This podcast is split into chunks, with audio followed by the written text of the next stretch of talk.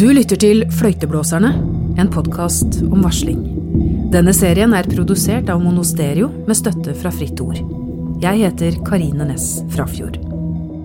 Og det som, det som, jo er et faktum, som har blitt bevist i denne boka til, til Bitten Norvik, eh, det er jo at halvparten jeg tror det er ca. halvparten av alle som har vært i en sånn prosess, har vurdert å ta, å ta sitt eget liv. Altså Det er så slitsomt for den som blir omvarsla. Eh, og det knekker den fullstendig. Sånn at det er liksom det er skammen. Altså jeg, jeg tenkte aldri på at jeg skulle ta mitt eget liv. altså Jeg er ikke sånn jeg tenker ikke sånne tanker, men jeg var, jeg var altså så sliten av å stå i den prosessen over så lang tid at uh, Ja, det var, det var veldig tungt. Vi hører ofte om varslere som har det vanskelig etter at de har gitt beskjed om noe kritikkverdig de har opplevd. På den andre siden står det en motpart, den omvarslede. Og det er heller ingen enkel situasjon å havne i. Ola Mannsåker var direktør i Oslo kommune da han ble varslet på. Plutselig en dag så kom da min uh, arbeidsgiver, representant for arbeidsgiver inn på mitt kontor og sa at det hadde kommet inn et varsel imot meg. Uh, så det fikk jeg da til orientering, og jeg uh, fikk da etter hvert lese varselet, og sånt, så jeg fikk da sett på hvilket innhold det hadde. Hva tenkte du? Nei, altså, jeg tenkte da at uh, wow, jeg hadde ikke regna med det. Jeg syns at situasjonen var ganske rolig i organisasjonen akkurat nå. Uh, vi sto foran et kommunevalg som da skulle gjennomføres i september. Jeg var glad for at det var rolig, så dette kom jo litt sånn uh, overraskende på meg da det kom. Fortell litt om den avdelingen du ledet. Hvor stor var den? Hvor mange ansatte hadde du under deg? Det var en avdeling som heter Bystyrets sekretariat. Den uh, er en uh, administrativ avdeling som ligger litt på sida av det folk kanskje tenker på når de tenker på Oslo kommune, fordi den ligger rett under uh, bystyret. Sånn at den er til for å betjene bystyret, gjennomføre politiske møter, gjennomføre valg, sørge for at alle politikerne får lønn, sørge for at alt følger de lover og regler som skal til for å gjennomføre egentlig politikk på kommune- og fylkesnivå i Norge. Hvor mange var du leder for? Jeg var vel på det tidspunktet leder for ca. 55 stykk. Det var en organisasjon som blomstra veldig opp når vi hadde valg. Altså, da var det jo kanskje ja, mange hundre, for å si det med et lite tall, eh, som var involvert i valgavviklingen i, i Oslo. Mm. Var det én eller var det flere som varslet mot deg? Fikk du vite det? Ja, jeg fikk vite det. Altså vars, Selv om det var en anonym varsling. Eh, sånn at jeg vet ikke om det er én person som bruker flertall, eller om det er flere personer som står bak. Siden det blir eh, skrevet i flertall, så må jeg gå ut ifra at det var flere som sto bak. I hvert fall hadde samme mening. Men du fikk aldri vite hvem eller hvor mange? Nei.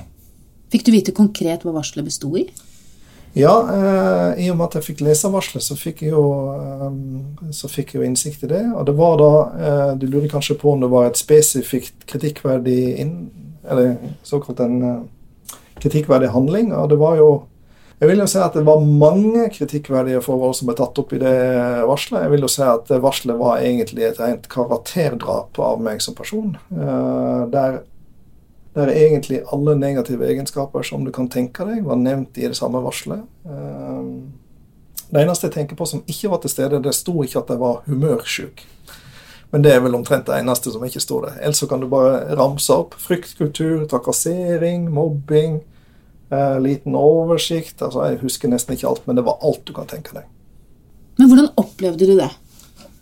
Nei, altså eh, Altså Når en opplever den type ting, eller får uh, den type kritikk imot seg, så er jo det en veldig Altså det er jo veldig leit, for det første. Um, det er veldig leit fordi som enkeltperson, sånn som alle personer har, så har en en sånn viss indre rasjonalitet. Altså i betydningen av at det jeg gjør, det gjør jeg fordi jeg har denne rollen. Um, og jeg har forsøkt å gjøre det så fornuftig som mulig. Eh, det vi må huske på at Hele Oslo kommune er en politisk styrt organisasjon. og Så kan det godt hende at det er langt enkelte steder ifra uh, den enkelte ansatt til det politiske nivå, men i stillingen min så var det veldig kort vei til det politiske nivå. Kanskje kortere vei enn noe annet sted i kommunen. Sånn at jeg hadde jo da etter beste evne forsøkt å gjennomføre politiske vedtak og politiske føringer, sånn som jeg oppfatter det. Så jeg, jeg syns jo dette var veldig eh, leit og sårt. Eh, men det var bare begynnelsen, for det skulle jo bli langt verre. Hvordan da? Nei, altså når, når du får en sånn varsling imot deg, så, så, er det jo forskjellige måter å håndtere den på. Um, og oppfølgingen av et varsel det ligger jo da hos arbeidsgiver. Arbeidsgiver må følge opp uh, varselet. Og i dette tilfellet så valgte da min arbeidsgiver Oslo kommune å, å innhente informasjon, som det heter, ved å la den saken gå til ekstern gransking. Og den gikk til ekstern gransking. Og det er jo da egentlig de store utfordringene begynner. Men spol litt tilbake til da du fikk dette varselet. Ehm, du var jo toppleder, eller du var i hvert fall leder høyt oppe, og mange vil kanskje si at det, sånt skal man tåle. Men samtidig så er du et menneske. Hadde du noen å støtte deg på, noen å snakke med? Fikk du noe hjelp? Ja, jeg hadde noen å støtte med, men jeg stopper litt ved det du sa der, eh, med at at jeg er bare et menneske, og det har du selvfølgelig helt rett i. Men jeg vil også si at i den situasjonen som oppstår, så er jeg bare en arbeidstaker. Altså, jeg er altså ikke arbeidsgiver. Jeg utøver ingen arbeidsgiverfunksjon når jeg får et varsel mot meg. Da blir det løfta til arbeidsgiver som er neste nivå. Så da er jeg bare en arbeidstaker, og i henhold til arbeidsmiljøloven så har jo da alle arbeidstakere rett på et forsvarlig arbeidsmiljø. Det gjelder jo faktisk også ledelsen. Så Det som er litt spesielt når en opplever varsling som, som, leder eller som toppleder, det er jo at du er i en situasjon der ingen syns synd på deg. Og det er en veldig spesiell følelse. fordi normalt så, så tenker en jo at en er litt sånn for og mot og, og sånn. Men når du er toppleder og blir varsla på, eh, ja, da løser du ikke lenger problemer for organisasjonen. Da har du blitt et problem for organisasjonen. Og da, da, da, må det håndteres på den måten som arbeidsgiver finner hensiktsmessig. Fordi eh, når jeg da blir arbeidstaker, selv om jeg var direktør, så blir jeg sideliner, blir satt på sidelinja og blir en observatør til det som skjer. Som en vanlig arbeidstaker. Var du forberedt på det? Nei. Det var jeg absolutt ikke forberedt på. Så dette var jo, eh, dette var jo et uh, krasjkurs i arbeidslivets harde realiteter. Og jeg må jo bare si at jeg var ikke klar over Altså, jeg hadde ikke tenkt nok over den sårbarheten som lå i denne type stilling, med tanke på eh, denne type hendelser. Så jeg, altså, jeg tror ikke jeg er unik når jeg liksom tenker på meg sjøl som en uh, altså som en moderat person på, på, mange områder. Og jeg hadde virkelig ikke sett for meg at denne saken skulle ta den vendingen som den gjorde, eller at det skulle oppstå en sånn sak.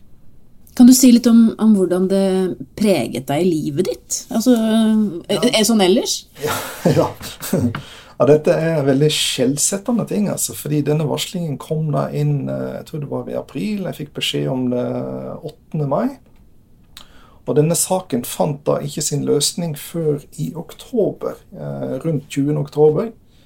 Eh, da jeg signerte meg ut av stillingen, og jeg gikk da ut av stillingen som direktør. Men altså i det halve året som gikk da, eh, så forsøkte jeg for det første å være leder. Jeg forsøkte å få eh, leder på jobb. Jeg var familiefar, jeg hadde tre små barn. Den siste var født i ja, et år. Eh, jeg nevner det ikke så det ikke blir identifiserbart. Men, men poenget er at jeg hadde da tre barn hjemme. jeg hadde en familie. Så liksom denne saken her, den tok jo etter hvert dag og natt av mitt liv. Og det gjorde den i lange perioder. Hvordan da? Nei, altså fordi eh, når denne saken gikk til gransking eh, Oslo kommune sendte den da ut til gransking eh, i begynnelsen av juni. Så det er klart at når du er leder, så, så, på, så sitter du da på, på nåler. ikke sant? Altså Du er opptatt av å at denne saken ikke skal eh, Den skal ikke bli verre. Ikke sant? Så du forsøker å oppføre deg ordentlig i alle situasjoner. for at denne saken ikke skal bli verre, eller skal eskalere ytterligere. Sånn at da, da mm, går en jo litt inn det, altså Med så mye mental tilstedeværelse i en sånn varslingshåndtering, så er det klart at dette vil jo på en eller annen måte gå utover eh, utøvelsen av ledelsen i stillingen. For du kan si at det tar så mye mental kapasitet, det å følge opp dette og passe på å gjøre alt riktig. Eh, at eh, ja, at det preger en i veldig stor grad. Eh, fordi en er, Det er kanskje ikke alle som har opplevd det, men den, når du føler som arbeidstaker at bakken begynner å skjelve under beina dine, med tanke på at du kanskje mister jobben eller et eller annet, da, da får vi alle en viss sånn nervøsitet. Og det gjelder både, både meg og det gjelder alle andre. Og en, en, sånn ekstra dimensjon som jeg har lyst til å legge til, det er rett og slett at jeg, jeg følte meg jo veldig skamfull, egentlig, eh, for at dette skjedde meg. Eh, altså, jeg, had, jeg, tenkte jeg tenkte da om meg sjøl at uh, det at det kommer en varsling, er et bevis på at en dimensjon i mitt lederskap ikke har lykkes. Altså På en eller annen måte så har jeg oversett noe. Jeg har håndtert noe feil. Uh, og uh, til å begynne med så la jeg jo dette på meg sjøl. Sånn som det, det, det, jeg holdt på å si, det er helt samme utviklingstrekk som når en blir utsatt for et overgrep eller den type ting. Altså En legger det på seg sjøl til å begynne med, og så må en begynne å rydde i hva var det egentlig som skjedde her. Er det riktig at dette bare er meg? Er det flere parter inn i dette? Hvem er det som har levert inn den anonyme varslingen osv.? Så videre, sånn at hjernen går egentlig eh, på et tankekjør. Eh, der en lurer på hva som er utveien av, av det her. For Det som også er litt sånn spesielt, er når du får en anonym varsling retta mot deg, og, og, bare din gjerning, så vil jo heller ikke konteksten forstått som organisasjonen vil bli belyst. Rammevilkårene for organisasjonen, rammevilkårene for utøvelse av ledelse, rammevilkårene gitt av føringer for politiske foresatte vil ikke bli belyst osv. Du blir bare helt alene. Du blir helt alene i den situasjonen og må forsøke å holde det oppe som, som best du kan. Men det som var litt, uh, var litt, spesielt, og som gjorde at jeg gikk ut med dette fordi at det er jo mange varslinger ute i samfunnet vårt. Altså det er mange varslinger. Jeg tror jeg, jeg las uh, et sted at 1920 så tror jeg det var om lag 300 varslinger bare i Oslo kommune. Sånn at tallet på varslinger er helt enormt. Og vi hører Tradisjonelt så har vi hørt mye om den som varsler, og jeg skjønner godt at det kan være tøft for varsleren å stå i det de, det de står i, men for hver eneste varsling som kommer inn, så har du òg en omvarsler. Altså du har én person som er ansvarlig for det gitte forholdet. Sånn at det var en ganske, ganske spesiell erfaring å oppleve det. Kjente du deg igjen i, i det varselet da det kom? Nei. Eh, det må jeg bare svare nei på, fordi eh, Um, for som jeg sa innledningsvis, så hadde dette varselet Det hadde altså hele bøtteballetten av kritikk mot leder. Altså da mot meg. Uh, ja, som sagt alt, bortsett fra humørsvingninger. Sånn at det, det, skal noe til å kjenne seg igjen i noe sånt. Fordi, som jeg, som jeg sa, altså det kan være vanskelig å forstå andre mennesker. Men en greier jo alltid å finne et rasjonale for sin egen oppførsel og sine egne standpunkt. ikke sant? For vi holder på å si, I mitt liv så sitter jo jeg med all kunnskapen, sånn som mm. du sitter med all kunnskap i ditt liv. ikke sant? Sånn at jeg, jeg kjente meg ikke igjen i det. Jeg syns det var uh, Jeg syns det gikk altfor langt, selv om jeg som alle andre ledere og alle andre mennesker kunne gjort ting på andre måter osv. Så, videre, så var det liksom en kritikk der som jeg mente gikk veldig langt. Hvordan opplevde du prosessen med den faktaundersøkelsen? Ja, eh, Faktaundersøkelsen er jo en sånn egen uh, dimensjon i varslinga. Fordi um, når arbeidsgiver får et varsel uh, inn, så må en da håndtere dette på en måte en må opplyse saken, som det heter. Det påligger arbeidsgiver etter arbeidsmiljøloven. På hvilken måte arbeidsgiver opplyser saken, det bestemmer arbeidsgiver sjøl. Uh, I mitt tilfelle så valgte en da å gå ut og hente ekstern hjelp. Og brukte et konsulentselskap som heter Ernst Young til å gjennomføre den undersøkelsen. Og så begynte da selve gjennomgangen der av både intervju og oppfølging av det skriftlige materialet. Hvordan var det å stå i det? Veldig, veldig krevende.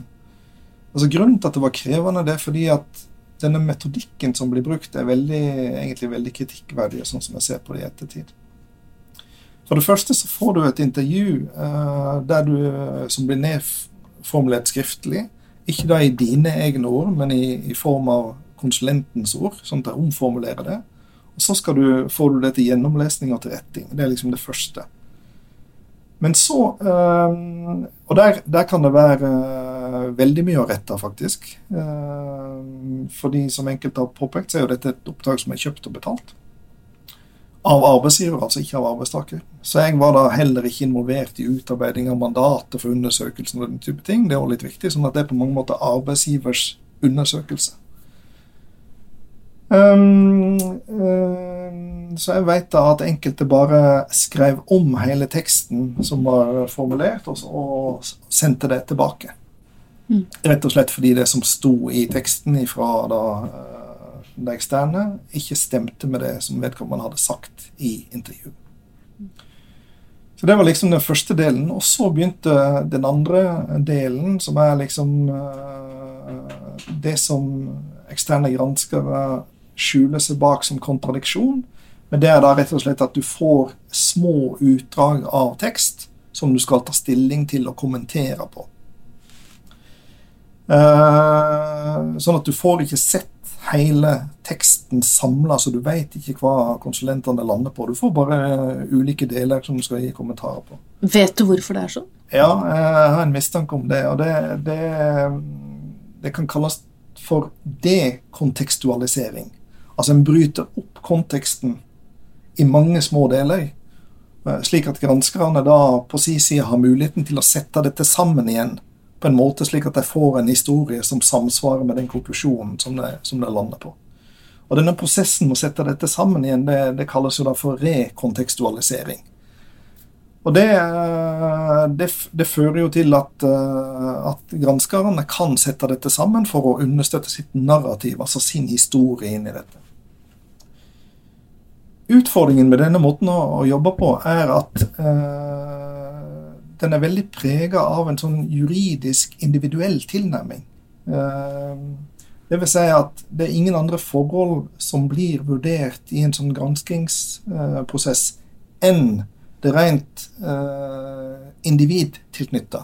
I og med at denne varslingen bare gikk på meg, så er det da spørsmål ja, gjorde vedkommende sånn og sånn? Sa vedkommende sånn og sånn? Handler vedkommende på denne måten? Ja eller nei? Så sånn at det blir bare fokus på individet som er, som er omvarsla da, i varslingen. Slik at det blir aldri et spørsmål eh, rundt hva var det som gjorde at en omvarsla handler på denne måten? Hva var det som var forårsaken til at en omvarsla eventuelt sa ting på denne måten? Kunne det vært formildende, tenker du, i forhold til hvis det hadde vært et kritikkverdig forhold? Absolutt. Hvordan da? Absolutt. Altså, i veldig mange sammenhenger i samfunnet vårt så er det, uh, så er det veldig underlig at en ikke setter ting inn i kontekst. Hvis jeg gir deg et utsagn uh, uh, som kan være hva som helst Så hvis ikke du forstår den konteksten det utsagnet kom i, så vil du heller ikke forstå meningen av de ordene som blir sagt. Så uten å sette ting i kontekst, så vil en, så vil en rett og slett ikke forstå meningen med de ordene. Og dermed så har du individualisert utsagnet, og dermed så kan det utsagnet brukes eh, nesten til å bety hva som helst. Fordi meningen med ordene, altså situasjonen ordene falt i, er borte, og du står bare igjen med ordene. Men hva ble konklusjonen da av faktaundersøkelsen din? Ja, Det er et veldig, et veldig eh, godt og relevant uh, spørsmål. Uh, da jeg fikk sett faktaundersøkelsen, altså granskingsrapporten, for første gang, sett den i sin helhet og lest hele rapporten, uh, så satt jeg meg ned og skrev et tisiders notat som tok opp det mest kritikkverdige i granskingsrapporten. Ja, Var det nye opplysninger som kom frem for deg? Ja, ja, altså jeg, jeg, visste jo ikke hva det kom til å lande på, jeg visste jo ikke hva som var hovedanklagen. Jeg hadde ikke, hadde ikke peiling på hva som kom i den rapporten. Det var ikke klart for meg, og jeg hadde ikke lest de delene av granskingsrapporten. Men du hadde jo fått varselet, så du visste vel hva det handlet om?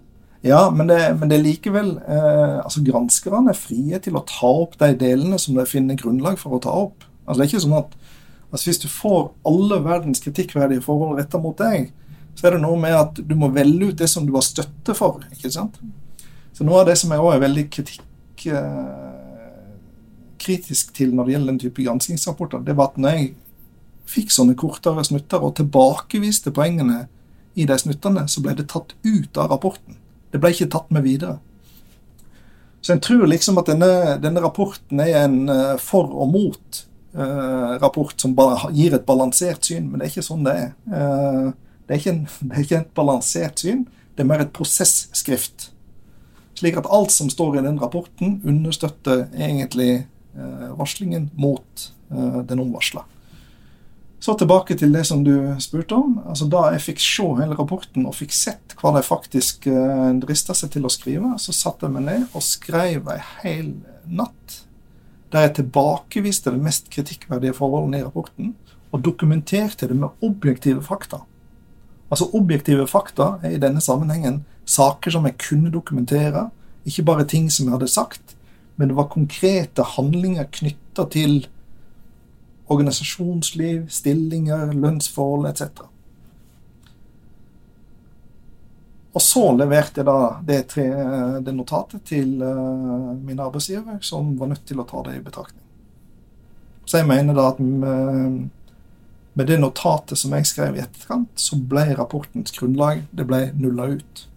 Og Dermed så sto jo arbeidsgiver i en veldig vanskelig situasjon. Hva skulle de gjøre nå? Så det ble ikke en uh, ny versjon av rapporten? Men hva gjorde arbeidsgiver da? da den, arbeidsgiver sitter da med en rapport, en ekstern granskningsrapport mm. med en konklusjon, mm. og så kommer det da et motskriv fra deg. Ja. Og Det som er interessant, bare for å stoppe litt ved det, det er at granskingsrapporten ga ikke meg anledning til å tilbakevise det som var hovedpåstanden i rapporten. Altså Granskingsrapporten, prosessen som den gikk i, den ga ikke meg anledning til å nulle ut det, fordi jeg kjente ikke hvilken konklusjon jeg kom til å lande på. Så jeg var faktisk nødt til å sette meg ned og skrive dette når prosessen var ferdig. Og det er ikke sånn. Det er ikke på den måten faktaundersøkelser eller granskinger skal foregå. fordi hvis du spør meg ja, fikk du kontradiksjon, så må jeg svare ja, jeg fikk en slags kontradiksjon. Men den ordentlige kontradiksjonen måtte jeg gjøre i etterkant, når rapporten var ferdig. Men hvordan ble du møtt, da? Med det notatet? Nei, altså Det var jo da så tunge objektive fakta at, uh, at arbeidsgiver var nødt til å ta hensyn til det. Så det, det nulla ut uh, rapportens mest kritiske forhold. Er offisielt? Jeg har aldri fått et svar på det. Uh, men realiteten er jo sånn. Men hva var da arbeidsgivers konklusjon? For de skulle jo da eventuelt ta ut noe tiltak da, basert på, på på, konklusjonen i rapporten? Mest sannsynlig, men jeg har aldri fått en, eh, jeg har aldri fått en skriftlig redegjørelse fra arbeidsgiver hva arbeidsgiver lander på. Alt jeg vet, er at jeg signerte meg ut av eh, ut av eh, resterende åremålsperiode for mitt vedkommende. En sånn periode som ble veldig dyr for arbeidsgiver. I tillegg til kostnaden ved gransking og alt det der, så måtte jo jeg ha lønn, og i tillegg så fikk noen andre goder med på veien. Faktaundersøkelser, eller granskninger i varslingssaker, er omstridt. Og vi skal komme tilbake til dette i en senere episode av Fløyteblåserne. Ola Mannsåker sluttet i jobben i Oslo kommune etter varslersaken. For ham var skammen det verste.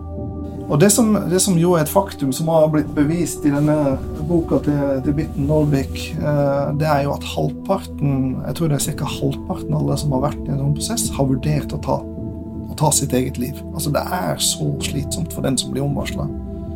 Eh, og det knekker en fullstendig. Sånn at det er liksom Det er skammen. Altså jeg, jeg tenkte aldri på at jeg skulle ta mitt eget liv. Altså Jeg er ikke sånn jeg tenker ikke sånne tanker, men jeg var, jeg var altså så sliten av å stå i den prosessen over så lang tid at uh, ja, det var, det var, veldig tungt. Du har vært kritisk til at uh, varslerne mot deg var anonyme. Samtidig så er det jo en grunn til at man har et anonymitetsprinsipp. At varslere skal våge og tørre å stå fram med kritikkverdige forhold. Og det er et argument som jeg har sansen for. Men jeg tenker det at de, det kommer litt an på hvilken type altså Hva er det som er grunnlaget for uh, hva er det som er grunnlaget for varslingen? Hva er granskingens kritikkverdige forhold, som det heter? Altså Er det organisasjonsforhold? Er det arbeidsmiljø? Altså Hva er det som ligger bak?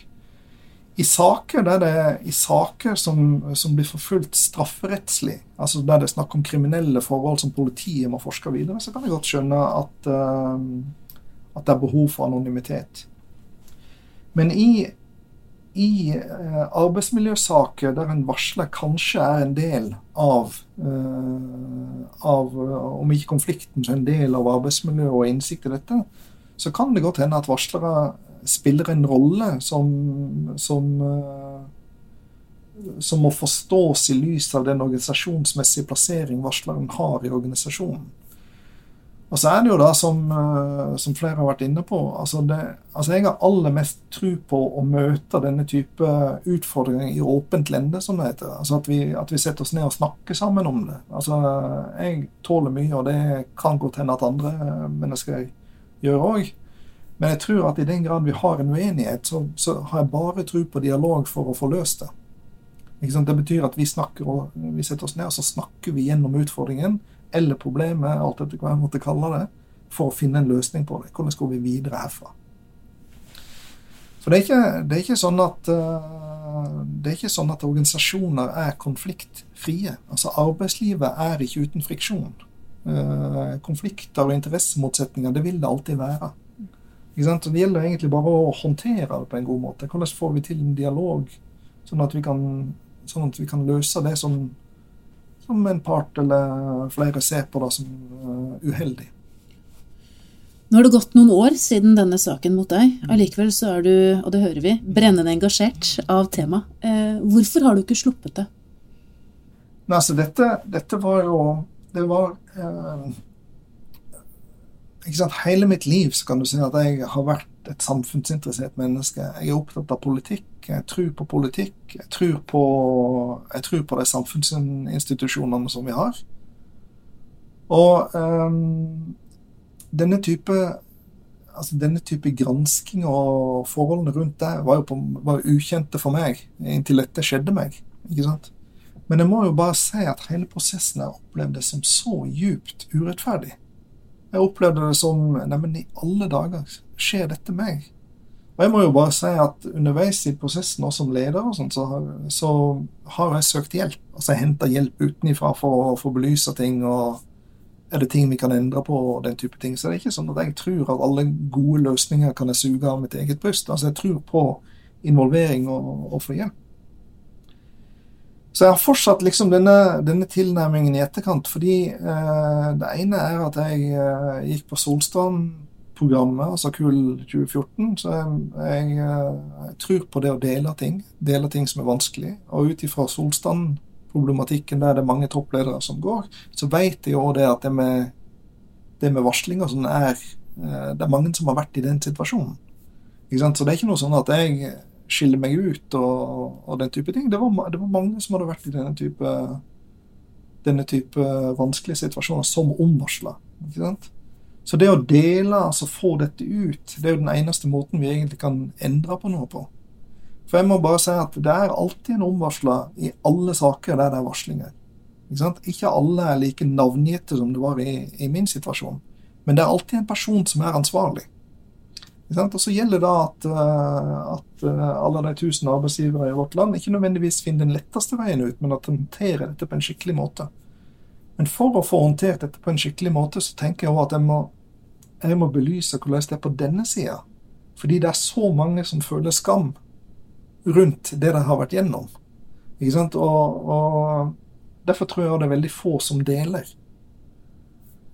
Så jeg tenker da at jeg får gå foran. Det skyldes jo eh, Solstrand på den ene sida, men det skyldes også mitt politiske engasjement. Fordi det, i politikken så må du egentlig fortelle om alle sånne sider ved deg sjøl. Så jeg måtte bare, når det kom opp en sånn nominasjonsprosess, så delte jeg dette. Altså rett og slett fordi det er, det er meg. Det, det ligger i min bagasje. Hvordan blir du møtt? Altså For folk som, eh, som ikke vet hva dette går ut på, så er det liksom sånn Det blir som et, eh, et svimerke, liksom. Eh, men jeg ser jo det, jeg merker jo òg at arbeidsgivere er skeptiske til, til dette. Så det har vært vanskelig for meg å finne en tilsvarende jobb som, som den jeg hadde da i rådhuset. Det har det vært. Er du bitter? Uh, ja, men jeg gjør ikke dette ut ifra noe hevnmotiv eller sånn. Men det er klart altså, jeg, jeg skulle gjerne sett at jeg uh, Altså, det har vært mange år av mitt liv der jeg, der jeg har brukt veldig mye tid på, på dette. Fordi det er så, det er så emosjonelt sterkt. Det er så personlig, ikke sant. Uh, og det er så, det så skyldbetinga. Det er liksom sånn at hele verdens byrde blir lagt på deg som, som direktør eller som leder, og så blir det eneste som blir undersøkt, er liksom dine gjerninger og dine handlinger. Men jeg vil, ikke, jeg vil, ikke, si at jeg er bitter, men jeg er veldig glad for at jeg har hatt gode samtalepartnere hele veien. Altså Det gjelder jo da min mentor i Oslo kommune, og ikke minst på hjemmebane der kona mi har sikkert blitt ganske lei av å snakke om varsling i perioden. Men ekteskapet holdt? Ekteskapet holdt, det, det takker jeg Gud for.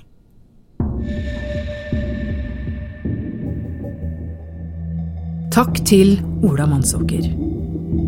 Kan varsling forebygges og unngås ved at man har et godt ytringsklima? Og at bedrifter har gode og tydelige rutiner? Og at dette er et kollektivt ansvar hos alle på arbeidsplassen? I neste episode skal vi møte Brita Bjørkelo. Hun har en doktorgrad i arbeid og organisasjonspsykologi. Hun er professor på Politihøgskolen og Oslo nye høgskole, og har jobbet med varsling i mange år. Et eh, arbeidsmiljø hvor det er eh, åpenhet for å diskutere kritikkverdige ting eh, på arbeidsplassen. For å sikre at organisasjonens legitime interesser hensyntas. Og at det er et delt ansvar. At det ikke oppleves i virksomheten som at det er du som enkeltansatt som skal gjøre det her, eller en enkeltleder. Ja, men hun eller han gjør ingenting, så da får det bare være sånn. Men at vi får fram mer de kollektive ansvarene igjen. da. At vi skal hegne om at, eh, at, pasientgrupper i Norge får det beste tilbudet, at eh, rettsvesenet fungerer som det skal. At det blir en kollektivt ansvar. Du har hørt Fløyteblåserne, en podkast om varsling. En serie i ti deler, produsert av Monosterio med støtte fra Fritt Ord. Lyddesign er ved Frode Ytterarne. Konsulenter er Kine Smith Larsen og Torgeir Waterhouse. Jeg heter Karine Næss Frafjord.